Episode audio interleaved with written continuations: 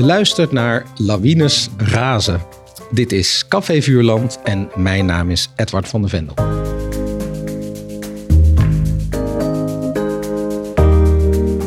In deze podcast herlees ik en herbekijk ik klassieke kinderboeken met auteurs en tekenaars van nu. Hoe vers voelen die boeken nog? Wat voor auteur of tekenaar was er aan het werk? Dat en meer bespreek ik vandaag met Annemarie van Haringen en Karel Kneut. En wij lazen en bekeken Kikker en het Vogeltje. Het boek waar Max Veldhuis in 1992 de Gouden Griffel en een zilveren penseel voor kreeg. Annemarie en Karel, welkom. Kunnen jullie alvast één korte indruk geven van je, van je, je lees- of herbekijkervaring?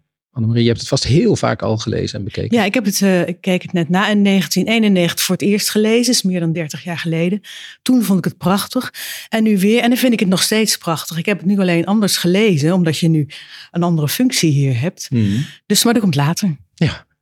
En jij, Karel? Ik was eigenlijk ontroerd door het circulair van het verhaal. En ik schrik eigenlijk een beetje, want ik kende het verhaal niet, ik kende het boek niet.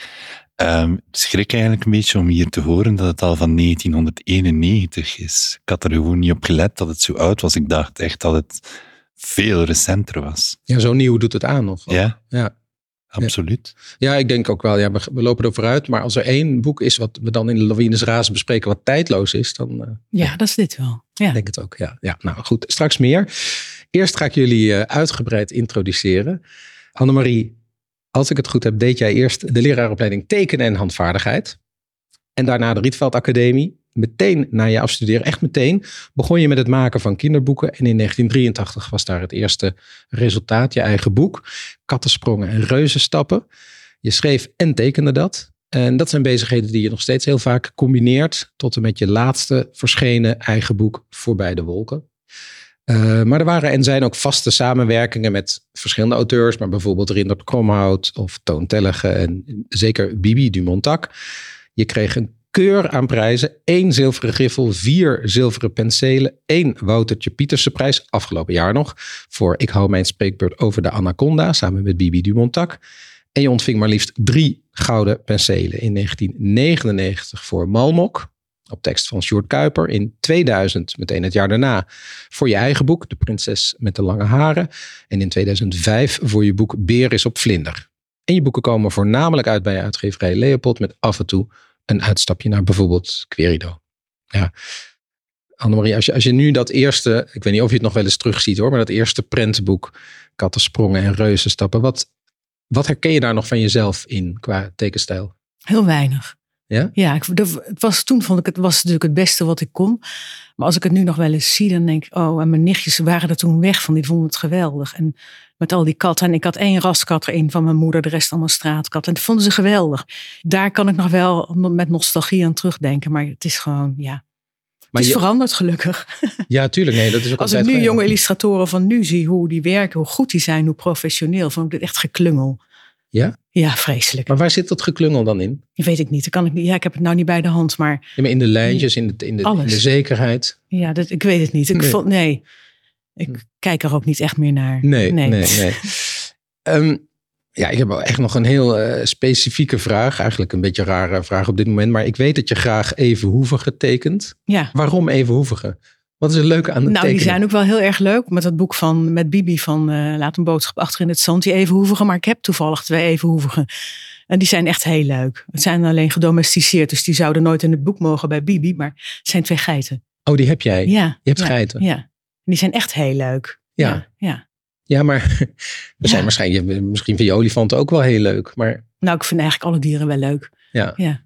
Maar, maar ik vind hoe even hoevige ook al diegenen met die lange horens of noem het maar. Ik vind het allemaal prachtig. Oh ja, ja oké. Ja, die horens, dat snap ik dan nog wel. Ja. ja. Maar er zijn toch ook een heleboel evenhoevigen die soort van op elkaar lijken? Ja. Dat vind je niet erg om, om dat te tekenen? Nee, maar je tekent toch ook mensen die lijken toch ook allemaal een beetje op elkaar. Ja. ja. nou oké. Okay. Ik zei al, het is een beetje een rare specifieke nee, vraag. Leuk. Ja, ja oké. Okay. En, en ook nog, ja, sorry voor nog zo'n hele gekke specifieke vraag. Maar in, in alles wat ik las over jou, las ik dat je ooit een boek hebt gemaakt. omdat je daar een bepaalde moskee moest afbeelden. Klopt dat? Of is dat. Nee, ik ben wel een keer gevraagd door. Ja, dat was een soort niet een uitwisselingsprogramma, een aantal illustratoren uit Europa, die werden gevraagd om naar de al bla bla moskee in Abu Dhabi te gaan en daar tekeningen te maken. Dat was ook in het kader, was er zo ja, die haat tegen de islam en omgekeerd, het onbegrip, dat men, een aantal illustratoren daarheen gingen en daar tekeningen maakten en die zouden daarna geëxposeerd worden en die kochten ze dan ook. Ah, ja. Maar dat is niet een boek geworden. Nee. Oh, oké. Nee, Ah, nee, maar de vraag was wel, doe iets met de moskee. Ja. Ah, Ja. oké. Vond je dat leuk? Om een gebouwen tekenen? Kan- Vind je dat sowieso leuk? Nou ja, ik dacht er is natuurlijk wel een hele hoop versiering. Hmm. Er zijn geen eh, mensen mag je afbeelden en geen dieren, maar wel al die plantaard. Daar heb ik het allemaal vandaan gehaald. Ja, Want op zich een gebouw tekenen, ja, nou, ja oké, maar niet speciaal heel leuk. nee. Ja. Nee. Dus ik heb veel met die motieven toen gedaan. Ja, dat snap ik wel. Ja, maar het was ingewikkeld, want je, als we daar ter plekke gingen zitten tekenen, moest je natuurlijk zo'n zwart ding aan. En dan ging ik wel eens ergens op een stoepje zitten, trok dat een beetje op en dan kreeg je meteen een berisping. Nou ja, Oh, ja. Ja. Was streng. Zijn er eigenlijk, ehm, dus als je een verhaal van iemand aangeboden krijgt, zijn er dan soms technische dingen in het verhaal die jou tegenhouden om dat aan te nemen? Nou, ik denk dat je wel alles moet kunnen tekenen. Als het nou alleen maar over vliegtuigen gaat, dan zou ik zeggen, nou volgens mij is iemand anders hier beter in. Ja. Ja, En een, een, een fietsenwedstrijd? dat is ook niet aan mij besteed. Nee. Nee, nee. nee. Oké. Als het moet echt, dan kan je dat natuurlijk wel. Ja. Maar Ja. dan ga je dat misschien niet. Nee, ga je dat Nee. denk ik niet doen. De, ja, Karel, jij knikt. Fietsen, fietsen nee. Ja, Vliegtuigen. Een, een fietsenwedstrijd, daar zou ik ook niet staan om te springen. Nee, nee, nee, nee. Maar dieren daarentegen. Dat wel. Even hoevigen zouden net zo goed ook bij jou. Ja, ja, oké. Karel, jij studeerde grafische vormgeving aan het Sint-Lucas Instituut in Gent. En je begon na je afstuderen te werken als eh, art director. Maar in 1996, volgens mij klopt dat, verscheen je eerste kinderboek, geschreven door Geert de Kokeren, bij uitgeverij De Eenhoorn. De eerste jaren illustreerde je vooral zijn verhalen. En je stijl veranderde en evolueerde heel snel. En voor jullie zevende boek, we hebben het hier staan, Willy, kreeg je de grootste Vlaamse prijs, toch? Nee? Mijn eh, eerste prentenboek is dat, Willy. En daarvoor zijn er drie dichtbundels verschenen. Ja, precies. Maar eh, dit is wel het eerste boek waar je volgens mij de eerste prijs voor kreeg. Ja. De Boekenpauw. Ehm, en die kreeg je later nog eens een keer voor meneer Ferdinand. En daarna kwam een van je absolute klassiekers, Heksenvee, op tekst van Brigitte Minne. En daar heb je zelfs, dat gebeurt hetzelfde, later nog eens een nieuwe versie van gemaakt. Ja, een geüpdate. gete- Heb je toen alles opnieuw ge- geschilderd? Ik heb eigenlijk het volledige boek opnieuw gemaakt. Ja, ik was toen, ik geloof, twintig jaar bezig als illustrator en we vonden dat er een remake nodig was. Ja, ja. dat gebeurt toch niet vaak eigenlijk? Annemarie, heb je dat ooit gedaan? Nee, dat zou ik heel moeilijk vinden. Want dan denk ik, waarom zou je dat? kan je beter iets anders. Ja. Het Doen was of ook, niet? Of het vind was je ook dat niet moeilijker dan ik zelf verwacht had. Ja. ja Dat zou omdat ik je moeilijk toch, vinden. En ook sommige mensen vonden dat je niet aan het boek mocht raken en zo. Ik was heel enthousiast eraan begonnen. En ik dacht, dit wordt makkelijk, maar het was uiteindelijk wel moeilijk. Ik ben wel blij dat ik het gedaan heb, dat wel. En dan was je tevreden over de tweede keer. Ja, absoluut. Oké. Hmm. Oh, je je Ja. bent toch ook voortdurend, we hadden het net over jouw eerste boek, Annemarie, en dat je Ja. niet, niet per se reden ziet om dat nog te bekijken en, en om, om dat voor je te hebben. Maar jij werd dus ook voortdurend geconfronteerd met wat je dan twintig jaar daarvoor had gedaan. Ja, maar ik had eigenlijk... Het was nooit mijn bedoeling om illustrator te worden. Ik ben daar eigenlijk... Het is een lang verhaal, maar ik ben daar zo wat per toeval ingerold. En ik heb eigenlijk vooral met mijn tekortkomingen moeten werken op dat moment. Hmm. En ondertussen ben ik een veel beter tekenaar, dus ik moet nu meer bewuste keuzes maken. Dingen die ik in het begin had, ik gewoon geen keuze. Dat waren de enige dingen die ik kon tekenen op dat moment. Dus het was volledig anders om die remake te maken. Ook omdat je kon plots tonen wat ik maar wou tonen. Ja. Terwijl ik in het begin, Oh ja. de eerste versie, gewoon, ja, Ja, dat was net wat je, wat je redde. Ja. En nu had je een palet aan mogelijkheden. zoiets. Ja. mooi. Ja. Ehm, in 2003 kreeg je je eerste zilveren penseel, dus je eerste Nederlandse bekroning.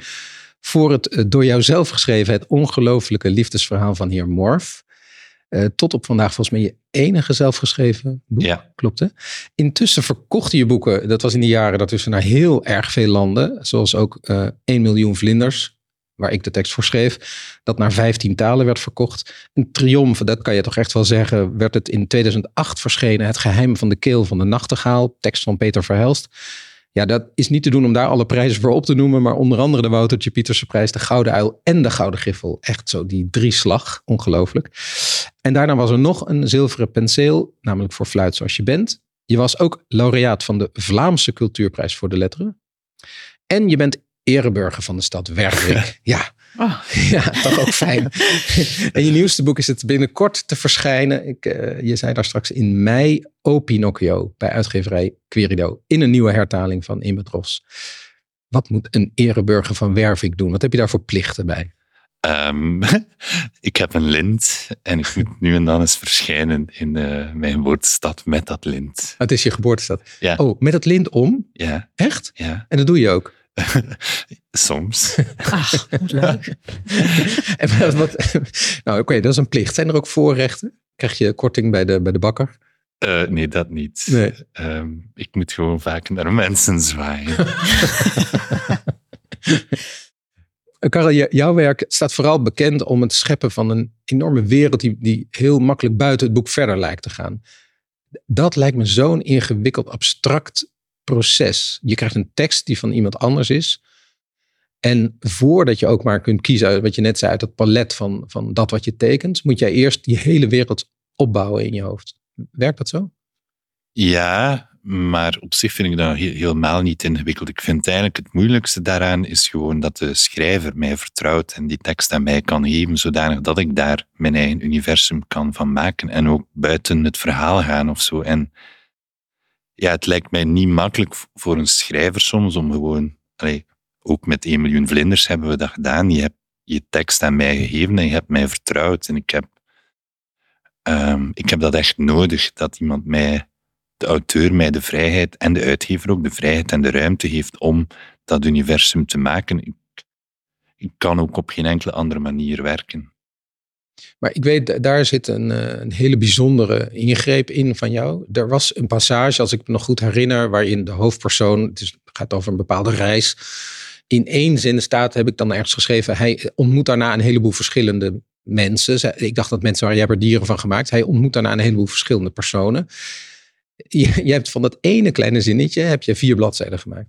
Ja, Je hebt een, echt een heel stuk zonder, zonder tekst. eh, Met de hoofdpersoon die in een kring staat van ongelooflijk veel figuren die met hem staan te praten. Dus ja, mijn onmogelijke vraag is eigenlijk hoe, hoe kom je daar in godsnaam op? Maar ook vergt het brutaliteit om dat te gaan doen? Of, ik kan er eigenlijk geen antwoord op geven. Nee. Ik herinner het mij ook niet meer zo goed. Ik weet dat belangrijkste bij mij toen bij 1 miljoen vlinders was dat ik aan jou moest vragen of dat ik er dieren kon van maken en of dat ik die ingreep kon doen. En ik denk dat je eerst een beetje gechoqueerd was, in mijn herinnering toch, en maar dat je ook heel snel gezegd hebt van doe maar. Ik kan mij nu niet meer herinneren hoe ik daartoe gekomen was. Het is gewoon een lang proces. Een, een verhaal moet eerst rijpen bij mij in mijn hoofd en dat duurt soms een aantal maanden, zo niet een paar jaar. En tegen de tijd dat ik eraan begin, moet dat eigenlijk, dat universum gewoon klaarzitten. En heel soms is er een kleine ingreep in de tekst nodig en jij hebt daar vrij snel mee ingestemd. En dat bedoel ik nu net, dat, je met een, dat ik graag met auteurs werk die ertoe in staat zijn om ja, die tekst ook een beetje los te laten. ja, maar ik kan me ook voorstellen dat je misschien ook voor je zag, gewoon eh, eh, als, als, als beeldend element, een tekening die over vier pagina's doorloopt. Dus dan, dan, we hebben het nu over, je, je- je bent bezig met het verlichten, of het verluchtigen, zoals dat dan wel eens wordt genoemd, van de tekst, hè, de wereld erachter aangeven. Maar misschien zijn er gewoon ook, Maar daar ben ik niet mee akkoord met het Nee. woord verlucht. nee, nee, nee, Ja. precies, maar dat betekent letterlijk het woord illustreren, daarom, daarom noem ik het. Als ik een dichtbundel illustreer, dan voel ik mij een beetje een verluchter. Als ik een, een, een prentenboek maak, Ja. dan voel ik mij evenzeer auteur van het verhaal. Terwijl ik, ik heb het niet zelf geschreven, maar ik probeer op een, meestal op een net iets andere manier dan de tekst te illustreren. Ben je toch autonomer? Ja, Ja. maar ja, ik wil er ook mijn versie van het verhaal van maken en daar is een soort ruimte tussen de tekst en het beeld te laten. Het is allemaal heel moeilijk om uit te leggen. Mhm. Um, en ik wil die ruimte laten, omdat de finale versie dan eigenlijk die van de, van de lezer is. En ik denk bij 1 miljoen vlinders of zo, er heeft mij nog nooit iemand de vraag gesteld, waarom gaat dat over dieren? Nee, nee, het is totaal Mensen vanzelfsprekend. het valt, ja, voilà, het wordt vanzelfsprekend, terwijl Zeker. dat voor jou niet was als schrijver. Nee, ja. dan, dan is dat de, de meest juiste keuze geweest. Ehm, maar wat ik ook net een beetje bedoelde, misschien is het veel te technische vragen, maar ik kan me ook voorstellen dat je al wel eerder dacht van het zou eens leuk zijn om een tekening te maken die over vier pagina's doorloopt of zoiets. Nee, dat gebeurt pas als ik echt... Allee, ik vind het objectboek heel belangrijk. Dus dat gebeurt eigenlijk pas tijdens het maken om, om ja, ik wil een mooi vormgegeven object ook maken en alles moet kloppen. Ja. En ja, ik herinner, het is ook al lang geleden wel, ondertussen, ja. ik herinner het mij niet meer zo goed, maar ik weet dat, dat dat voor mij een soort kantelpunt in mijn tekeningen was, waardoor het verhaal terug, in mijn tekeningen dan, terug op vaart kwam. Een soort rustpunt in het min of meer midden van het boek. ja. Ik herinner mij dat dat voor mij heel belangrijk was. Ja. Annemarie, eh, eh, wat Karim nu zo zegt en benadrukt dat vertrouwen, is dat iets wat, eh, je maakt voornamelijk je eigen boeken, maar als je samenwerkt met een ander, is dat ook voor jou zo van belang? Ja, en vooral, maar wat Karel ook zegt, als het dan prentenboeken zijn, dan ben je niet meer een illustrator. Nee. Dan ben je echt niet, ik ben dan echt niet dienstbaar aan de tekst van de schrijver. Dan ga je echt ook je eigen gang. En dat moet ook, ja, je, jij vertrouwt de schrijver en de schrijver vertrouwt jou, denk ik. En dan moet dat ook met mooi bij elkaar komen. Maar je werkt niet voor niks met elkaar. Het zijn ook twee sporen die, dan, die samen dan een geheel vormen. En dat de tekeningen moeten ook meer lagen hebben dan in de tekst. Of moet anders zijn, of iets toevoegen. Of iets wat in de tekst staat, ga je niet nog eens een keer tekenen. Want dat is toch ook een beetje suf. Of soms moet het wel, maar er moet een spanning tussen die twee zijn. Dus daarom vind ik een rol van een tekenaar in een prentenboek ook groter dan dat je het in een verhalenbundel of zo misschien doet. Ik, ik weet dat in eh, de samenwerking die jij met Bibi hebt, gaat het nog verder. Jullie eh, bespreken soms voordat de tekst er is al een beetje van wat zou een mogelijke richting zijn. Waar, Ja, waar, waar heb jij zin in om te tekenen? ja of we doen een verzoekje. ja, ja, ja, ja. ja. Dat, kan ook, of zij doet een verzoekje. Weet ik niet, ja. nee. Dat groeit dan vanzelf. Dat is ook niet zo. En dan hebben we daarna iets, ja, dat gaan we maken. Ja. Zo allebei zo, yes, dat gaan we doen. En dan is er ook niet sprake van dat we elkaar iets... Ja, dat weet ik niet. Dan gaat dat gewoon. Ja, ja, ja. ja, ja. ja. Ja, dus Dat er zijn boeken mooi. van Bibi die begonnen zijn met dat jij een verzoek neerlegde. ja. Ja, ja. ja volgens mij de, de evenhoevige, toch? Nee, de, in de evenhoevige. Daar heeft zij, dat was echt ontzettend leuk. Ik had één evenhoevige, onevenhoevige, dat was de tapier. En die mocht er eigenlijk niet in. Dan zeg ik, ja, nou, dat is wel heel leuk, die tapier.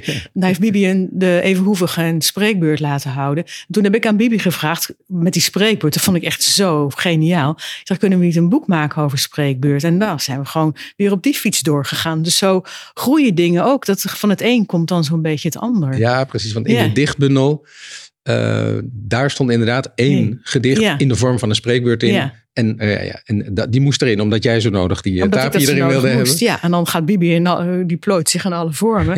Ja. En die heeft ze nog laten stemmen op de okapie. Ja, ja, ja, ja, Ja, ja, zo is- ook ja. weer een kleine, ja, Okapi is dan weer mijn eh, Ja. lievelingsdier. Ik vond wat Annemarie zei, ik ben niet dienstbaar. Dat vond ik eigenlijk heel mooi gezegd. Ja. Dat ga ik onthouden. Ja, ik, ik ben eigenlijk wel heel braaf altijd. Maar daar, op dat vlak, nee. Dan ben ik Ja, heel-. Ja, dat geldt voor mij ook, denk dan. ik. Maar het is gewoon... dat je daarvoor staat ook. Ja. Ja. Ja. Hmm. Mooi. Eh, laten we het over Max Veldhuis hebben. Ik eh, zal hem eerst een beetje introduceren voor zover dat nog nodig is. En dan eh, gaan we naar het boek toe wat we vandaag allemaal bekeken en, en gelezen hebben. Max Veldhuis leefde van 1923 tot en met 2005. Hij werkte eigenlijk eerst als eh, politiek tekenaar, maakte politieke columns. En daarna als vormgever en illustrator in de reclame. En hij begon in 1962, dus pas rond zijn 40ste, met tekeningen voor kinderboeken te maken. Eind jaren 60 verscheen zijn eerste eigen prentenboek, De Jongen en de Vis. Dat trouwens eerst in Zwitserland verscheen. Zoals veel van zijn boeken eerst in het buitenland verschenen en later in Nederlandse versie. Daar heette dus Der Junge und der Fisch. En met dat boek en de titels die er daarna kwamen, kreeg Veldhuis meteen internationale roem met grote prijzen in, in Slowakije, in Frankrijk, in Amerika, in Duitsland. Pas in 1977 kwam ook de Nederlandse erkenning op gang. Toen kreeg hij zijn eerste van vier gouden penselen. Dat is een record. Annemarie mag ook tellen met drie, maar vier, ja, max. ja, Ja, hij heet ook eh, de penselenkoning. De penselenkoning, ja, terecht. dat wordt hij Ehm, wel eens genoemd. Ja. Ja. Eh, de- de- de- dat eerste was voor Het Goedige Monster en de Rovers. 1986 was er zijn tweede voor Klein Mannetje Vindt het Geluk. En daarna volgden nog twee gouden penselen voor twee delen uit zijn allerbekendste reeks, die over kikker, namelijk voor Kikker in de Kou en Kikker is Kikker. Ook waren de prijzen aan de tekstkant. Hij kreeg twee zilveren griffels en een gouden griffel, namelijk voor Kikker en het Vogeltje, het boek dat we vandaag bespreken. En voor die tekeningen van dat boek kreeg hij ook nog zilver. Nou ja, zelf scheen hij een beetje, uh, vraag ik straks na aan jou, uh, uh, Annemarie, want je hebt hem gekend, goed gekend. Hij scheen een beetje ambivalent over al die prijzen te zijn. hij heeft er wel eens over gezegd dat het voelde alsof hij jarig was elke keer, maar vooral ook alsof er een enorme last werd neergelegd. Dan moest hij de hele tijd dat nog maar zien te evenaren. Aan het eind van zijn leven kwam de grootste bekroning. Namelijk de internationale grote oeuvreprijs, de Hans Christian Andersenprijs. Tot op de dag van vandaag is hij pas één van de twee Nederlanders die die prijs ooit kregen. De andere is Annie. Schmid. Maar zijn ultieme reeks is die over Kikker. Die boeken zijn echt over de hele wereld vertaald. Die blinken uit in helderheid van tekst en beeld in een altijd een soort simpele, directe boodschap. Die toch dan weer heel gelaagd en fijngevoelig is. Kikker is een soort kinderlijk personage dat een beetje naïef om zich heen kijkt. En de andere vaste personages zijn bijvoorbeeld Varkentje, een harde werker die ook van roddelen houdt. Haas, dat is de, degene die altijd raad weet. Een soort intellectueel, zullen we maar zeggen. En Eend, die wel vriendelijk is, maar ook wel uh, echt van sensatie houdt. Als er iets, uh... Een beetje onnozel misschien. Ja, ja, ja. Uh, de serie begon, Karel wijst op zichzelf nu. er zijn er nog een paar, je hebt ook nog Rat en Beer, maar dit zijn degenen die het meest voorkomen. De serie begon in 1989 met Kikker is verliefd. Maar het figuurtje was al ouder. Dat was al opgedoken in Klein Mannetje vindt het geluk. Uh, trouwens, niet alleen kikker, ook eend en varkentje vind je daar al. Of sorry, uh, eend in ieder geval. En haas die eruit ziet als een haas, maar dan nog konijn heet. Ja. Ja. ja. Maar het is gewoon hetzelfde figuurtje. Gewoon, maakt niet uit. Ja, heeft later ja. gedacht, nee, het is eigenlijk een ja, haas. Ja. ja. Um, er verschenen in totaal twaalf kikkerprentenboeken. En omdat ik enorm van lijstjes hou, ga ik ze toch even opsommen. dat vind ik gewoon leuk. Kikker is verliefd, 89. Kikker en het vogeltje, ons boek vandaag, 1991. Kikker in de kou, 92. Kikker en de vreemdeling, 93. Kikker is bang, 94. Kikker is een held, 95. Kikker is kikker, 96. Dat waren heel veel jaren met elk jaar een nieuw deel. Toen sloeg hij even over. Toen kwam in 1998 Kikker en de horizon. In 99 Kikker en de heel bijzondere dag. Kikker vindt een vriendje in 2001. Kikker vindt een schat, 2002. En de laatste. Die, Kikker en de wind. Nou, nee, ja, de, de, ene laatste dan is eigenlijk Kikker is bedroefd. Oh ja. 2003. En inderdaad, er verscheen na zijn dood in 2006 nog een onvoltooide Kikker in schetsboekvorm. En dat is inderdaad Kikker in de wind. Ja. Na zijn dood is er een stichting opgericht, de stichting Max Veldhuis, die de rechten van zijn werk beheert. Annemaria zit in het bestuur. En toen er een staatsprijs voor illustratie ontstond in Nederland, werd die naar Veldhuis genoemd, de Max Veldhuis prijs. Ja. De laatste winnaar daarvan is uh, Philip Hopman. Je kunt over die stijl, daar gaan we het ook zo over hebben, zeggen dat die elementair is. Weinig versieringen. Een gezichtsuitdrukking, soms alleen een golflijntje of twee golflijntjes. Er stond ergens in een artikel, ging iemand omschrijven hoe met een enkel lijntje een gezichtsuitdrukking werd neergezet. En daar, daar werd opgezomd, oké, een licht naar beneden gebogen streep, wanhoop. Een meervoudig golflijntje met de mondhoek naar beneden, bezorgd. Uh, een licht naar boven gerichte mond, dapper. Nou, ik weet niet of dit allemaal uh, klopt, maar dat, dat werd zo dat gezegd. Zeggen, ja. ja. Um, de tekeningen zijn met gouache gemaakt, gouacheverf. Soms een beetje krijt erbij, soms een beetje kleurpotlood erbij. En de kleurvlakken zijn uh, duidelijk en strak. Soms niet helemaal dekkend, soms zie je het papier er een beetje doorheen. En soms lijkt het van die kleine schilderijtjes, dan kaders omheen. Daar komen we het straks ook nog over te, te spreken. In Kikker en het Vogeltje gaat het over de dood. Korte inhoud, Kikker vindt een merel die op zijn rug ligt. Hij begrijpt niet meteen wat er aan de hand is. Hij vraagt het aan Varkentje. En dan komt een voorbeeld van die kernachtigheid. Dat vind ik qua tekst echt prachtig. Want wat Kikker dan zegt tegen Varkentje is dit. Hij wijst naar de vogel en hij zegt, kijk, kapot. Hij doet het niet meer. Ja. ja prachtige, prachtige zin en prachtige vertrekpunt voor het verhaal. Eén komt erbij, die denkt dat hij ziek is. Maar Haas komt uitleggen wat er aan de hand is. En dat is ook heel simpel. Die zegt gewoon, die is dood. En dan volgt de begrafenis en het prachtige einde, de laatste zinnen. Plotseling rende kikker er vandoor. Laten we het tikkertje spelen, riep hij. Varkentje, jij bent hem. Ja, een boek over de dood. Het is een kinderboekthema. Het gebeurt wel vaker, boeken over de dood. Hebben jullie ooit boeken over de dood gemaakt? Ja en nee.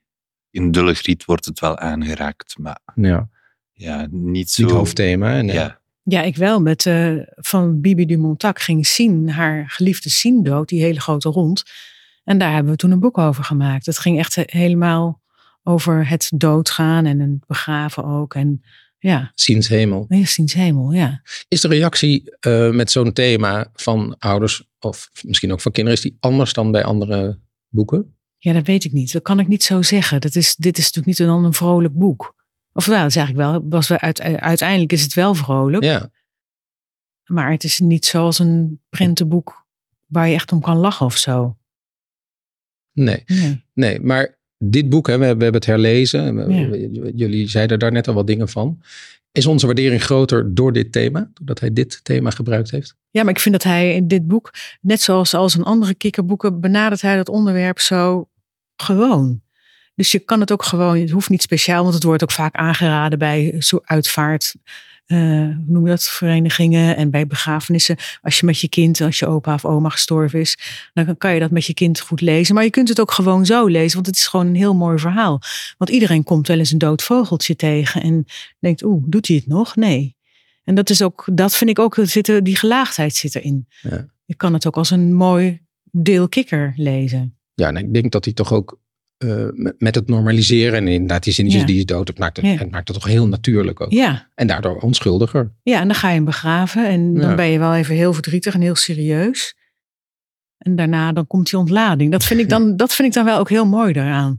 Kinderen hebben dat natuurlijk ook op een begrafenis. Dat je dan denkt, ja nu is het ook, daarna moet je ook even iets vrolijks gaan doen. Ja, en volwassenen gaan dan de rollers van de familie bespreken. Tijdens, Misschien, of drinken. Of, of drinken, ja. ja. Ja.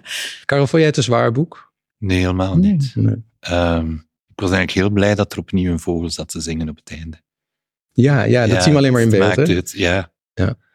Dus dat maakt het voor mij heel... Hetgeen wat jullie net zeggen, hè, ehm, ik ben eigenlijk heel recent nog naar een begrafenis geweest en daarna zit je aan de begrafenismaaltijd. Ik weet niet of dat, dat ook in Nederland gebeurt, maar ja, en dan het leven gaat gewoon verder. Um, en dat vond ik echt heel mooi aan dit boek. Dat ik dacht, ik had het nooit gelezen uh, hiervoor. Dus ik dacht, oei. Maar ja, op het einde dacht ik van, dit is echt helemaal oké. Het feit dat je, dat het als iets normaals beschouwd wordt bijna. En het op zo'n droge manier verteld wordt, dat het eigenlijk helemaal niet meer zo erg is. Nee. Nee, op dat moment is het dan dat ze die kuil gaan graven, dan zijn dan wel. En dan daarna is het ook ja, het is natuurlijk wat anders als er een, als haas, denk ik, of varkentje dood gegaan zou zijn. Ik denk ja, dat het dan het verdriet groter. Iemand dat het anders wel geweest zou ja, precies. Ja. Dan was het wel een zwaar boek geweest, toch? Dan was het een heel zwaar boek geweest, ja. Maar dit is ook dit is een mooi begin om met het, het, over de dood te hebben. Ja. Met een kind, niet meteen de opa of oma. Nou, of wat Karel zei, je zei helemaal in het begin een circulair boek. Ja. Uh, misschien is het meer een boek, is het niet zozeer een boek over de dood, maar meer een boek over het wederkeren van het leven. Zou best kunnen. Ja. En dat, dat was hetgeen wat ik er zo mooi aan Ja, ja, dat is waar. Ja. ja. ja. Dat weer die merel terugkomt. Ja. Hij zei zelf erover, want er werd natuurlijk ook hij werd geprezen om het feit dat hij over dit thema een boek had gemaakt wat deze lichtheid heeft. Dus dan zei hij, ja, men denkt dat ik met dit boek kinderen vertrouwd heb willen maken met de dood. Daar reageren ook veel mensen op die blij zijn dat ze naar aanleiding van het boek met kinderen over het onderwerp kunnen praten. En de dood is natuurlijk een heel precair onderwerp. We praten er liever niet over. En ik heb er helemaal geen bezwaar tegen als het boek op die manier gebruikt wordt. Maar deze uitwerking is voor mij wel geheel onverwacht, zei hij. Ik wilde gewoon een verhaal maken over een klein voorvalletje. Kikker die een dood vogeltje vindt. Oh. Ja. Hmm. Dat verbaast me. Ik ben er nu wel verbaasd over dat, dat ik zou denken dat daar heel erg over nagedacht is om het over de dood te hebben net. Ja, dat en dat blijkt dus niet zo te zijn. Nee. Nou ja, daardoor, dat vind ik eigenlijk extra mooi. Want daardoor zie je dezelfde naturele manier. Eh, Alsof hij over, net zoals Kikker, gestruikeld is over dat vogeltje. Ja, in zijn Het had ook iets, als hij die dag iets anders had bedacht, dan was het daar over gegaan. Of dan, maar daar zijn ook zo, zijn die delen natuurlijk ook ontstaan bij sommige kikkerdelen van dat hij iets ziet en het weet ik wat. Ik weet nog met kikker, um, wat is dat nou weer? Kikker is een held. Toen waren al die, was ook jaren geleden, meer dan twintig denk ik, of dertig misschien, al die overstromingen. En er waren er van die foto's van zo'n boerderij die helemaal zo omringd was door water en nog een paar bomen. Dat hij dat ook zo'n mooi beeld vond. En ja, dan had je daarna kikker is een held. Ook met een overstroming. Ja. Dus dan heeft dat ergens heeft hij iets gezien of gevonden en dacht, oh, dan gaat het stromen. En hier ook met een vogeltje. Ja, toen was dat het En dan is hij natuurlijk zo dat hij met dat vogeltje is het dan zo'n heel mooi verhaal geworden. Dat komt natuurlijk uit hem. Ja. En wa- wat ik daar straks zei, hè, dat, hij, het, eh, eh, dat hij al die lof eh, fijn vond, maar ook moeilijk vond. Is dat, herinner je dat, dat hij dat inderdaad zo vond? Ik weet dat niet zo. Hij ging er toch vrij nonchalant mee om. Ook als je dan in het atelier kwam, was her en der stond zo'n penseel of zo. Hij was daar niet mee bezig, naar mijn idee. Nee. Ja. Hoe, hoe, hoe goed kende je hem? Ja, op de schaal. Dat, weet, dat kan ik niet zien. Ja, wat noem je goed? Ik, ja, ik mocht met, eh, met mijn werk naar hem toe. Als ik in iets af had, een printenboek, dan kon hij er, ja, dat kon echt meer als een soort coach. Ah, ja. Of een soort, ja, meester Max. Ging hij er dingen over zeggen. Ja, dat vond ik geweldig. Ja, Ja. Hoe heb je hem leren kennen? Eh, via Leopold bij de uitgever. We, zit, eh, we zaten bij dezelfde uitgever. Ja. Op, op een feestje of zo? Ja. Ja. Of Frank Symbool daar. Ja. En, en eh, om een indruk te krijgen hoor, maar hoe, hoe vaak heb je daar gebruik van gemaakt? Dat je die, eh, Op je het laatste elke zien? keer als ik een prentenboek klaar Oh, had. Ja, tuurlijk. Ik vond dat enig. Ja. Ja, dat is heel leuk. Dan heb je een gesprek echt over het werk. En echt ook heel, heel inhoudelijk. Hij, heeft, hij is leraar geweest op de academie in Den Haag. Mhm. En hij was ook echt wel een leraar. Maar hij had ook echt gesprek over en weer over. Gebruik je dit, gebruik je dat? Hoe doe je dit, hoe doe je dat? Maar hij gaf mij ook... Ik weet nog met de prinses met de lange haren. ging ik ook naar hem toe. En toen heeft hij een aantal opmerkingen gezegd. En dit, dat, zus, zo. En ik zat in de trein terug. Ik heb alles opgeschreven. Hij zegt, je hoeft natuurlijk niks te veranderen hoor. Ik heb het allemaal veranderd. Ja, ja. Het was echt allemaal zo, zo fantastisch. Ja. Het hielp. En wa- was Ja. dat voornamelijk over het beeld of ook over de tekst? Nee, over het beeld. Ja, Ah. het ging echt alleen over het beeld dan. Ja. Ja. Dat, dat kunnen we niet weten, dat zal je ook niet met hem besproken hebben. Maar ik vraag me af in hoeverre zichzelf, hij zichzelf ook als schrijver zag. Nou, dat is wel grappig. Hij noemde zichzelf, dat heeft een jongetje ooit tegen hem gezegd, schrijvenaar. Hm. Dus die samentrekking Hm. van, ja, dat vind ik ook een hele mooie. En ik denk, dat was hij ook. Ja. Maar hij ging altijd uit van het beeld. Ik weet niet of je die schetsboeken wel eens hebt gezien van Nee. hem. Nou, dat nam hij wel eens mee naar de beurzen. En dat laatste schetsboek is toen uitgegeven, Ja. integraal. En dan had hij zo die tekeningen in zwart-wit met pen en inkt getekend. En daaronder die tekst is zo heel mooi geschreven. Ja, hij was ook grafisch ontwerper. En dat was meteen helemaal raak. Dat je denkt, was fantastisch. Ja. Ja, Mij is verteld, ik weet niet of het waar is, maar dat hij zijn teksten, om ze zo helder mogelijk te krijgen, vaak in een andere taal schreef. Ja, dat klopt. Maar dat deed hij natuurlijk ook omdat hij eerst bij Noord-Zuid zat. En dan schreef hij In het in het. Duits, in Ja. Zwitserland. En, en daarna bij Anderson Press met Klaus Vlug. En Klaus was van oorsprong natuurlijk ook Duits. een Duitse uitgever bij een eh, Bij- Engelse ja, hij- eh, ja. uitgeverij of een Amerikaans. Ja, Anderson is Engels. Engels, een Ja, Engelse uitgeverij. Press. Daar kwamen de kikkerboeken eerst Ja, en toen heeft hij dat in het Engels gedaan. En doordat hij dat dan beknopt op moest schrijven, of ja, dan kreeg je denk ik zo'n helder verhaal. uit. Ja, Ja, nou ja, ik, het, leek me, dit is misschien nog gewoon omdat het logisch was, dan kon hij dat verhaal communiceren. Maar het leek me zo goeie, goed bedacht. Maar Ja. het is in een andere taal, dan ga ik alleen maar de essentie opschrijven. ja dat- heeft wel zo gewerkt, denk ik. Ik weet niet of hij dat zo bedacht heeft. Nee, nou, ik zat echt te denken, zou Nee. ik dat nou voor mijn prentboektekst? Dat is misschien wel goed, ja. Ja. Ik heb, ik heb Hoe ga je dat dan formuleren? Ja, Ja, ik heb altijd de neiging om toch iets te lange zinnen te maken. En dan, eh, als het nou echt in het Noors zou moeten, ik noem maar wat. Of in het, eh, of in het Frans, ja, dan komen er hele korte teksten uit. Ja, maar goed, dat deed hij ook. Ehm, als we naar de techniek kijken, Karel, jij schildert ook. Is er enige gelijkenis tussen zijn Ehm, techniek en die van jou? Nee, ik denk het niet. Ik denk dat het net tegenovergestelde is van wat ik doe. Maar dat wil niet zeggen, ik ben daar wel jaloers op, op die, die mooie directheid. Ja? Ehm, het is volgens mij ook eenlagig geschilderd. Terwijl ik met heel veel lage verf over elkaar werk. Dus het is, het is eigenlijk het tegenovergestelde, maar ja, het is iets wat ik ook zou willen kunnen. Maar waarin is het tegenovergesteld? Dus inderdaad eenlagig, dat, dat kan ik me voorstellen. Ja, dat eenlagige en, en, en die directheid daarin. Hè, terwijl mijn werk uit heel veel lage verf bestaat. En die lagen breng jij steeds aan, niet om een, om een eh, diepere ondergrond te krijgen, maar om de vorm nog beter naar voren te laten komen. Eigenlijk vooral om een soort intensiteit van kleuren te hebben. Ik werk eigenlijk van, ik schilder van donker naar licht, wat in het kort verteld betekent als iemand, ik zeg maar iets, een hele, een geel hemd aan heeft, ehm, dan ga ik dat hemd eerst donkerbruin schilderen, dan donkerrood, dan felrood, dan oranje, donkergeel enzovoort. Altijd maar naar het licht toe. En dat is mijn manier van werken. Dat is zeer arbeidsintensief. Dus ik heb het ook al vaker geprobeerd van in minder lagen en zelfs in één laag te schilderen. Maar ik kan het gewoon niet. Nee. Ehm, Maar ik kan me ook voorstellen dat er wel een soort doorleefdheid. Zo, zo, zijn jou, zo doen jou, doet jouw werk altijd aan. Hè? ja, Alsof het niet eh, alleen maar voor nu getekend is, maar vanuit een soort ja, eh, ruim verleden tot ons komt. ja. Hè? Vanuit een, een, een leven wat al geleefd is. Dus dat pasteuze is bijna, geloof ik, het woord, weet je wel. Dat, dat je dat ook niet kunt krijgen in één keer. Je kan dat niet krijgen, in één keer, maar als ik mijn tekeningen ehm, in één laag verf maak, dan zien die er ook wat onbenullig uit of zo. En dat is het mooie van, van, van Max Veldhuis, dat is zeer direct en toch leeft het allemaal, terwijl ik die lage verf nodig heb om het te doen leven. Ja, ah ja.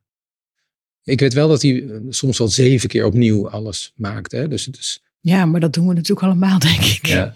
Tenminste, ja, niet als je, jij werkt waarschijnlijk met acrylverf. Ja, En dan kan je inderdaad die lagen over elkaar aanbrengen. Maar zoals hij werkt met gouache. Ja, dan, er zitten wel meer lagen in, maar dat is allemaal heel transparant natuurlijk. En als je dat allemaal over elkaar heen, dan, dan wordt, het, wordt het modder, dan wordt het vies. En dan, dat gaat niet bij gouacheverf. Dus misschien als hij met acryl had gewerkt, had hij dat ook. Denk het niet hoor, maar dat hij het anders had gedaan. ik vind gouache ook zeer moeilijk om mee te werken. Heel moeilijk, ja. Dat vind ik, ja. Maar dat is misschien ook nog de generatie. Ik weet dat Harry Gele heeft ook heel veel met gouache gewerkt. En nou zou niemand dat meer zo makkelijk gebruiken. Want Maar die een, acryl een heb je leuke dan. vraag: waarom is, waarom is gouache zo moeilijk?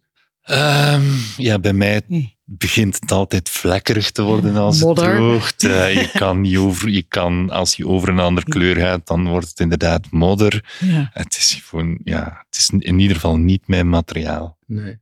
Nee, want dan denk ik dan aquarelverf is dan fijner. Maar dat is ook moeilijk. Ja, dat vind ik ook al Alles niet is zo fijn. Alles is moeilijk. Alles is moeilijk, alles is moeilijk. Annemarie, in hoeverre is jouw beeldende kant familie van die van Max? Oh, dat, dat vind ik moeilijk, want onze stijlen verschillen natuurlijk enorm. Ja.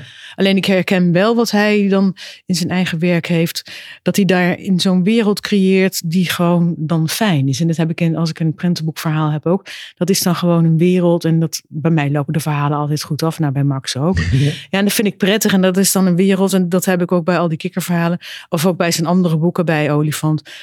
Dat je daarin zou willen zijn. En dat, dat, in die zin voel ik me daar ook verwant aan. Dat ik heb dat kinderen zich in mijn prentenboeken ook fijn voelen. Dat ze in de wereld kunnen duiken. En dat je daar helemaal in bent. Ja. Ja, En eh, wat ik in jouw werk altijd zo fantastisch vind, is de plaatsing, de, de setting. Ik weet niet of dat het goede Ah, woord is. compositie. Compositie. Je hebt, ik heb, ja, ik heb zo het idee van dat alles precies staat waar het moet zijn. Dat heb ik bij Veldhuis ook. Ook al weet Ja. ik dat de techniek anders is. Maar is dat heel vreemd als ik dat vergelijk? Nee, maar let daar, let daar ook heel erg op. Als je in de compositie, dat kan heel erg iets doen voor het verhaal. Door iets heel spannend te maken. Door het net helemaal ergens op een andere manier neer te zetten dan dat je verwacht zou hebben. Dat kan dan saai worden. Dus ik vind dat wel altijd wel spannend om daarmee mee te spelen. Ja. Ja, Ja. En misschien ook wel de beperking in beeld. Je bent Ja. meestal niet een tekenaar die een hele pagina vol met Nee. gebouwen, mensen, auto's, fietsen, zonnetjes, wielerwedstrijden maakt. Maar Nee. eh, een soort essentie probeert Ja. te geven. Ja, dat, heb ik, dat vind ik ook. Dat vind ik ook heel fijn. Dat je daar dat helemaal dat gevoel in. Je moet iets meegeven in een tekening. Dat heeft een bepaalde sfeer in het verhaal. In het, de loop van het prentenboek. En of het is heel spannend. Of ze, iemand is heel verdrietig. Of weet ik wat. En alles moet dan meewerken. Ook de compositie, de kleur, de lijnvoering. En ja, het kan wel eens heel vol zijn. Maar het kan ook heel leeg zijn. Ja. Ja. Ja, want heb je wel eens, we hadden het net over Karel, die wel eens gewoon eh, bepaald heeft, nu ga ik even vier bladzijden nemen. Eh, Heb je dat soort ingrepen wel eens gedaan in, in boeken? Nou, niet met dat vier bladzijden nemen. Nee. Maar dat, zou, dat, zou, dat kan ik me heel goed voorstellen. Dat je denkt, ja, maar hier, dit moet even breed uitgemeten worden. Ja. Want ik heb wel, als ik dan een verhaal krijg, bij mijn eigen verhalen, dan bepaal ik het zelf. Dus dat is eenvoudig. Maar bij een ander, dan, dan deel ik dat op en dan denk ik, oh ja, dit moet hier, dit moet hier, dit moet hier. Ja, dat heb ik nog niet gedaan. Een goeie. Nou, we gaan het, we gaan het verwachten in de komende jaren. Wat ik heel mooi vond, hij vertelde over zijn werkwijze. Eh, hij zei de personages, dus de, de beesten uit mijn boeken, zijn eigenlijk altijd een beetje om me heen, zei hij. Eh, het zijn een soort kinderen van en daar gebeurt dan wat mee. Eh, die, dat maalt dan een tijdje door mijn hoofd en eh, ik zie het verhaal in beelden voor me, zei hij, als een soort filmpje. Is het rijp, dan pak een schetsboek.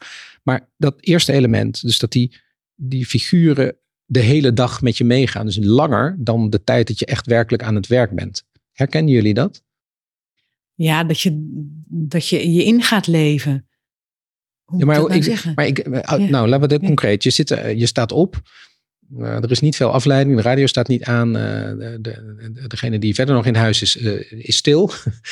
Eh, je kan ruim gaan nadenken over het werk wat je gaat doen. Maar je bent nog niet aan je tekentafel.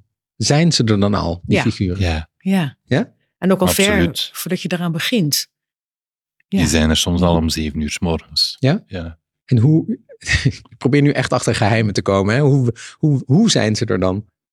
Soms is dat het eerste waar ik aan denk. Van, van zodra ik mijn ogen open doe, zit ik in een beeld. Ja, en ik heb soms ook dat ik denk, maar hoe ga ik dat nou doen? En waar moet dat, hoe moet dat dan zijn? Ik heb ook vaak op de fiets dat ik een tekening denk, maar dat is eigenlijk helemaal niet oké. Dat moet je in die kleur doen, moet in een hele andere kleur. Ja, Hmm. had ik vroeger niet, maar dat heb ik de laatste jaren. Dat ik daar dan al fietsend achter iets kom, ja. Ja, Oh, de, de, de, de- het, het fietstekenen is toegevoegd en je, ja aan dat wat je dat doet. je dan denkt dat je misschien beter afstand hebt. Als- ah, ja. zo. ah, je deed dat gewoon minder, dat eh, eh, afstand nemen. Ja, dat maar anders. Maar dat is meer dat, ik, dat dat op de fiets tot je komt. Dat je dan toch daarover na gaat denken. Dat is een beetje raar misschien. Maar Nee, zeg maar niet. Ja. Maar schrijvers hebben het heel Ja. vaak. Ik heb het heel vaak onder de douche. ja. S ochtends dat ik opeens denk, oh nee, zo. Dat is het enige moment waarbij ik niet aan mijn werk denk. Nee. De douche is de douche. Ja, maar dan is het toch helemaal niets anders om over na te denken. Je kan moeilijk aan het water nadenken. Ja, ik zing meestal. Ah, zingen. Ja, oké, oké. Abba, neem ik aan. Onder andere. Ja. Leuk. maar dat was even een uitstapje. Eh, maar, maar hoe, dus nu, jij bent nu aan het werk met Pinocchio. Dus dat betekent, als ik het goed interpreteer, dat Pinocchio, nou laten we zeggen, 18 uur per dag bij is. Ja, absoluut. En is het dan zo dat als jij andere dingen in beeld ziet, het zij in een boek of in een film of zo, eh, een compositie of kleur, dat die invloed kunnen hebben op wat je maakt? Nee, helemaal niet. Ehm, ja, het valt, valt moeilijk uit te leggen, maar alles zit eigenlijk soort opgesloten in mijn hoofd of zo. En ik laat het ook niet toe om andere dingen mij te laten beïnvloeden. Een boek is zo'n eigen wereld dat ik daar helemaal niet voor open sta om op dat moment, eenmaal ik in deze fase zit, om op dat moment zo nog eh, een schilderij of, of, of een film of een compositie ergens mij te laten beïnvloeden. Het, het is op dat moment al wat het is voor mij. En dat vind ik dan wel een soort link tussen Veldhuis en mij. Het is, een boek is voor mij een soort theater. Dat zie je ook in mijn werk. Je zit altijd op een bepaalde afstand. Er worden ook heel weinig emoties of zo getoond. Het is, het is echt een minimum. Dus dat theaterstuk is gewoon gevormd in mijn hoofd. Op het moment dat ik er, wat wij Vlamingen, ik weet niet of jullie Nederlanders dat zo zeggen, in zit. Er komt altijd een moment, ik knoei eerst een beetje en dan komt het moment eh, waarop ik erin zit. En vanaf dat moment is het een soort afgesloten, en het is een theaterstuk wat al de generale repetitie voorbij is. Dus er komen eigenlijk geen veranderingen meer. Nee. Wat mooi. En, dat zit dus, en daar zitten dus, nee, ik vind het zo. Daar, Ja. er, daar zitten dus, eh, er is een grensbewaking.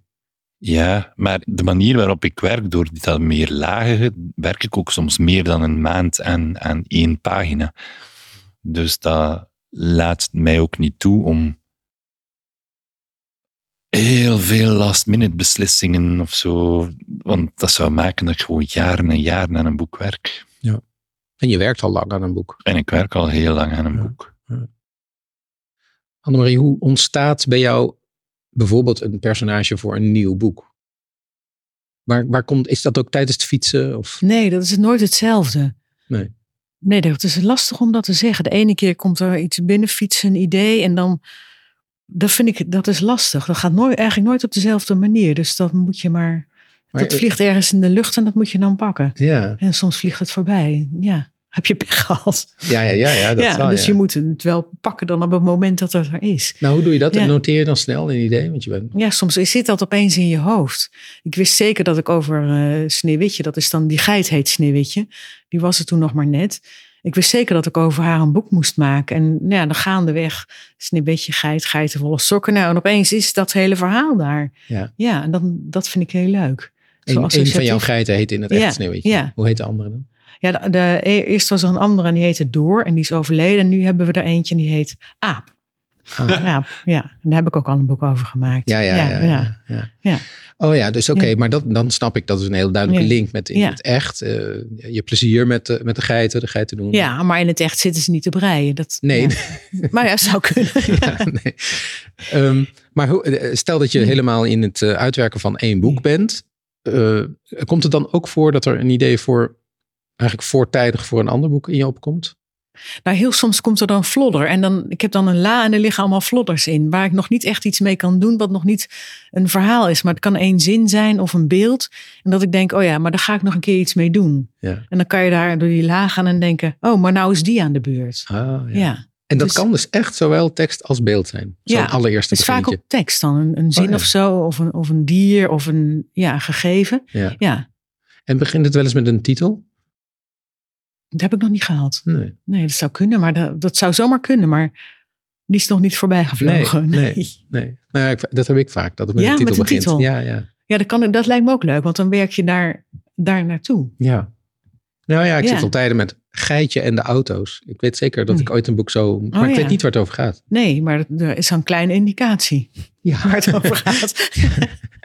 ja het, is, Ja. het is niet dat ik dat nu verzin omdat jij het net, Nee. net over geit hebt. Dat is dan echt zo. Ja. Ehm, wat ik bijzonder vind is die kadrering, zeg je dat zo? Dat Ja. inkaderen. Echt soms met een lijst, met een, gewoon een, een, een gekleurde lijst om de tekening Altijd heen. met een lei. Ja, met allemaal die verschillende kleuren. Zo heel, zo heel Ja. zacht ook. En die tekening past daar weer in. Nou, en Ja. enkele keer is het zonder lijst. Ja. Dan opeens een losgebroken tekening. Ja, daar heb ik me ook af zitten vragen van waarom dat dan is. Maar ik denk dat je meestal is dat die ingekaderde wereld is ook, geeft een soort veiligheid, denk ik. Dan is het echt ja, schilderijtje, die wereld. In het begin begint het ook met twee schilderijtjes met een, met een appelboom. En daarna dan wil kikker wijzen van ja, daar is iets gebeurd. En dan wordt het opeens wijder, denk ik. Dat je dan die wereld in gaat kijken. Ja, het begint met inderdaad dat kikker die aan een varkentje Ja. zegt van Ja. eh, je moet even meekomen. Ja. En dan heeft hij dus later toont hij dan het, de merel die gestorven is. Maar inderdaad op het moment dat hij zegt kom mee, dan zien we een landschap zonder vaste lijst Ja. eromheen. Dus dat- je bedoelt dat hij daar misschien suggereert van er is nu een weg te gaan. Nou, dat weet ik niet of dat zo voelt dat, dat het dan opeens wijder gaat. Maar ik denk dat dat volkomen intuïtief bij hem gebeurt. Dat hij zich dat niet af heeft gevraagd. Nee. Denk ik dat je dat zou. je- Denk je niet, Karel? Door het gebruik van die kaders heb je opnieuw dat gevoel van naar een soort theaterstukje te kijken. Ja. En ik denk ook niet, allee, ik heb ook niet het gevoel dat hem heel erg nagedacht heeft van wanneer een kader en wanneer niet. Maar Ik denk dat dat intuïtie is. Dat je dat ook een, Ja. een ritme door het hele boek hebt. Want het komt natuurlijk wel een paar keer terug. Anders zou het raar zijn als je het maar één keer niet hebt. Maar dat komt heel ritmisch komt dat terug. Wat ik zo bijzonder vind is dat hoewel hij het inkadert, waarvan je dus zou kunnen bedenken van hier beperk je ook de fantasie of ook de inleving. Maar dat werkt juist niet zo. Ik, ik heb het idee heel dat we kunnen er heel makkelijk in. Ja, het wordt juist heel intiem als je daarin zit. Vind ik dan. Want eh, dat heb ik misschien nog niet duidelijk genoeg gezegd. Dus de, de, er is een, een ingekaderde tekening en daaronder in het wit staat dus de tekst. Eigenlijk op zich een ouderwets procedé. Ik denk dat heel lang geleden prentenboeken er vaak zo uitzagen. Weet ik niet helemaal. Eh, maar wij gebruiken, en jullie ook, toch heel vaak aflopende tekeningen. Nou, Ja. aflopend doe je dat wel eens? Ja, altijd. Oh ja, Ik dus- heb nooit het eh, tekening en een blokje tekst onder. Nee. Nee, maar, maar Ja. ehm, je hebt denk ik ook niet zo heel vaak dat je bijvoorbeeld een half figuurtje zit wat nog buiten de tekening suggereert verder te gaan. Of Wat dat- afgesneden is. Afgesneden, ja. Ja, heb ik ook wel. Maar Oh wel, ja. ja. Zit ik even na te denken. Nou, Karel, heb jij met name in het begin volgens mij heel vaak gedaan. Eh, ja, toen liep van alles het blad uit, wat men heel vreemd vond. En ik was mij niet eens bewust dat dat eigenlijk ja, niet zo gedaan werd zelfs. Maar dat is wel, voor mij is, is, is een boek eigenlijk een soort een klein stukje van dat hele grote universum. Vandaar dat het voor mij belangrijk is dat dat universum veel groter is dan het formaat van de bladeren van het boek. En ik zou het heel moeilijk hebben om zo binnen een kader echt te werken. Dat Ja, zou voor omdat mij je- lastig zijn. Omdat je je, je, je toch al afgesneden kleine stukje Ja. wereld dat het boek is nog weer kleiner maakt. Ja. Ja, Maar dat maakt het, vind ik net bij, bij Veldhuis heel mooi. Het is, het is wat het is zo. Ja. Het is Heel intiem is het dan ook. Ja. Ja, dat je daar zo helemaal in kan. Maar heeft het ook niet heel erg met de warmte van de kleuren te maken? Het is licht. hè? Het is Ja. een wereld waar je makkelijk in kunt stappen, lijkt het. Ja. Tenminste, voor mij doet ja, het heel uitnodigend aan. Ja, ja. iedereen wil dan wel, ja, toevallig met het vogeltje, maar het zijn ook al mooie landschappen. Er is nergens, het is heel vredig allemaal. Er is geen milieuvervuiling, je ziet niet lelijke fabrieken, weet ik wat. Je ziet niks lelijks daar. Nee. Nee.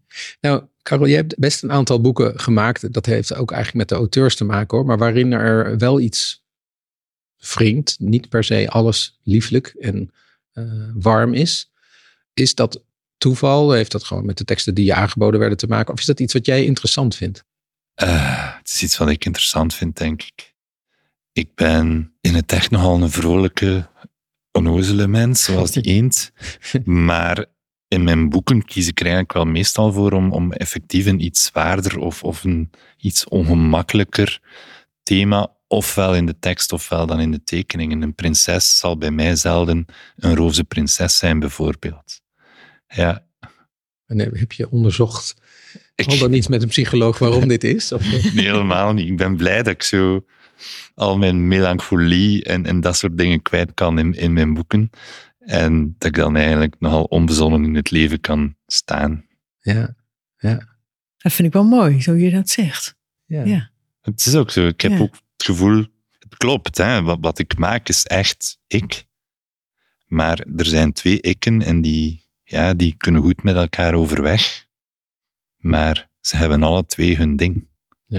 ja, dat is wel fijn. Ja. Hoe zit dat bij jou? Ja, ik heb meer. ik- dat is toch wel vaak bij tekenaars zo. Die zijn er niet meteen excentriek of eh, extravagant of extra, extravert, moet ik zeggen. En honderd aan één eh, praten. Ik vind die tekeningen, in zo in gezelschappen, dan vind ik dat vaak moeilijk. Of als je naar een borrel moet, weet ik veel. Maar in op, mijn, op papier, dan kan ik echt alles. Er kan me echt, niets kan me dan schelen. Dan heb ik ook geen schaamte of wat dan ook. Dan, kan allemaal, dan durf ik het allemaal wel. Ja, Wat ik in het echt allemaal niet durf. Dat vind ik wel fijn. ja dus wat Ja. we op, op, in jouw boeken zien is jouw brutale ik. Ja, of brutaal misschien. Ja, ik weet niet of het brutaal je, je is. vrij, je Vrij, ja. Alles. Er zijn, daar zijn geen grenzen. Nee. Maar, Nee. eh, eh, of niet maar, Nee. en in jouw boeken spreekt ook wel die warmte, vind ik eigenlijk, die je ook bij Max ziet, toch? Ja, maar dat is ook een wereld die je dan zelf kan creëren. En dat vind ik dan wel een fijne Ja. wereld. Ja. Ja. ik wil, daar hou ik wel van. Dat je echt een plek kan creëren waar je graag wil zijn. Ja. En dan heb ik ook gemerkt dat veel kinderen dat ook prettig vinden. Die vinden dat ook een leuke plek. Dus ja. ja, Maar zit er ook een deel van jou in jouw boeken die eigenlijk, dat je daarin kwijt kan, zodanig dat je dat niet hebt in het dagelijks leven? Ja al, al die dingen die ik in het dagelijks leven niet zou durven. Ik word bijvoorbeeld heel veel gedanst in mijn boeken. Nou, ik moet er echt niet in denken. Ik zou het heel leuk vinden als ik het kon. Ik ben jaloers op mensen die het kunnen. Maar echt, no way. Of zingen, of weet ik veel. Maar dat kan allemaal, dat is heel fijn. Dat gaat allemaal daarin. Of enorme ruzies maken. Of zo, uit Beers op Vlinder, die, die beer die alles met een bijl aan elkaar hakt. Ja, die gevoelens, dat vind ik, dat kan allemaal. Dat vind ik echt heel fijn. Ja, nu ik Ja. over jouw werk. Nou, je bent een enorme danser in je boeken inderdaad. Ja, enorm. Ja. Ja, Het zijn weinig boeken waar, je- waar maar je niet gedanst wordt. Nee, precies. Nee. Maar het is fijn als je dat allemaal dan ergens anders kan doen. En dan kunnen ze ook helemaal ja, uitzinnig worden met dansen. Dat is toch heel fijn? Nou, ik niet. Nee. Oké. Ehm, we zijn een beetje aan de tijd. Ehm, laten we nog even naar, naar Max gaan. Je hebt hem gekend, je hebt al wat dingen gezegd. Als je zijn atelier binnenkwam, kun je ons dat eens schetsen? Was, dat, was hij heel, heel opgeruimd of was het heel rommelig? Helemaal niet. Nee, heel gezellig ook. Aan de overkant van de straat was een atelier waar hij dan woonde. En dat was vroeger geloof ik een crash geweest. Dus het was best heel groot. Hij schaakte heel graag. En dan stond er altijd een schaakspel klaar. Met een, een of andere opstelling. En dan altijd boeken. Ook al die buitenlandse uitgaven. Het stond overal. En denk je, oh hier staat ook nog een penseel. Oh hier staat ook nog een griffel. Oh, zo heel achterloos ergens weggezet. Zo van... Daarom dacht ik over die prijzen. Misschien is dat wel waar wat je zegt. Maar hij had daar niet, gaf dat niet echt een ereplek of nee, zo. Nee, nee. Nee, en dan overal lag wat en dan waar hij dan werkte en hij rookte en dan...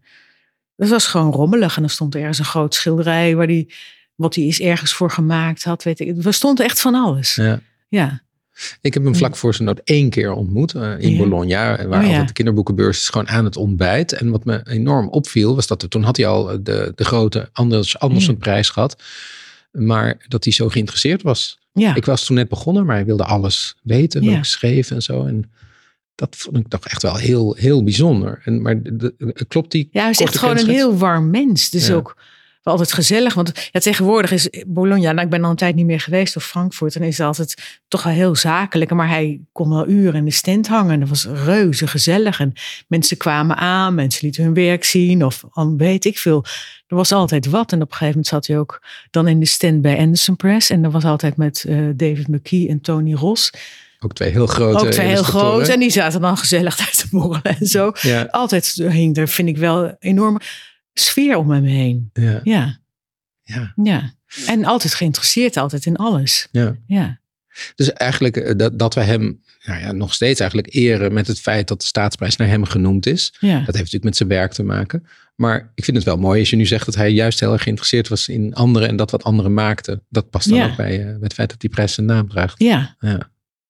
Karel, dit is ehm, eh, eh, een Nederlander die hier heel groot is. Niet per se zo in Vlaanderen, denk ik, want je kende hem nog niet zo. Eh, in ieder geval minder. Ja. Kan je zijn, eh, de super moeilijke vraag, maar kan je zijn statuur die wij zo nu beschrijven, billijken aan de hand van het boek wat wij nu hebben? Ik begrijp Ja. zelfs het woord statuur niet. Eh, dus een De grootheid. status. Het is zijn status, ja. Ja, ik kan wel zien dat dit van een hele grote meneer komt. ja. Absoluut. Het is ook niet, hij is ook niet onbekend in Vlaanderen. Hè. Nee, het is nee, al nee. net iets minder bekend dan, dan in Nederland, maar ehm, ik denk heel veel mensen kennen Kikker ook wel in Vlaanderen. Ja, ja. Nou, dank jullie wel dat we mochten praten over deze grote meneer, zoals je zei. Graag gedaan. Dit was Lawines Razen, een podcast van Café Vuurland. De gasten in deze aflevering waren Annemarie van Haringen en Karel Kneut. De montage was in handen van Ignaas Schoot en mijn naam is Edward van de Vendel. Je kunt alle informatie uit deze aflevering nalezen op www.vuurland.nu. Klik dan even door op Café Vuurland. We bedanken de erven Anne Rutgers van der Loef en uitgeverij Ploegsma voor het mogen gebruiken van de naam Lawines Razen. Het logo is van Floor de Goede en volgende week donderdag is er weer een nieuwe aflevering. Dan bespreken we Kleine Sophie een lange wapper van Els Pelgrom en Tae King. De gasten zijn dan Mensje van Keulen en Philip Hopman. In de tussentijd veel herleesplezier.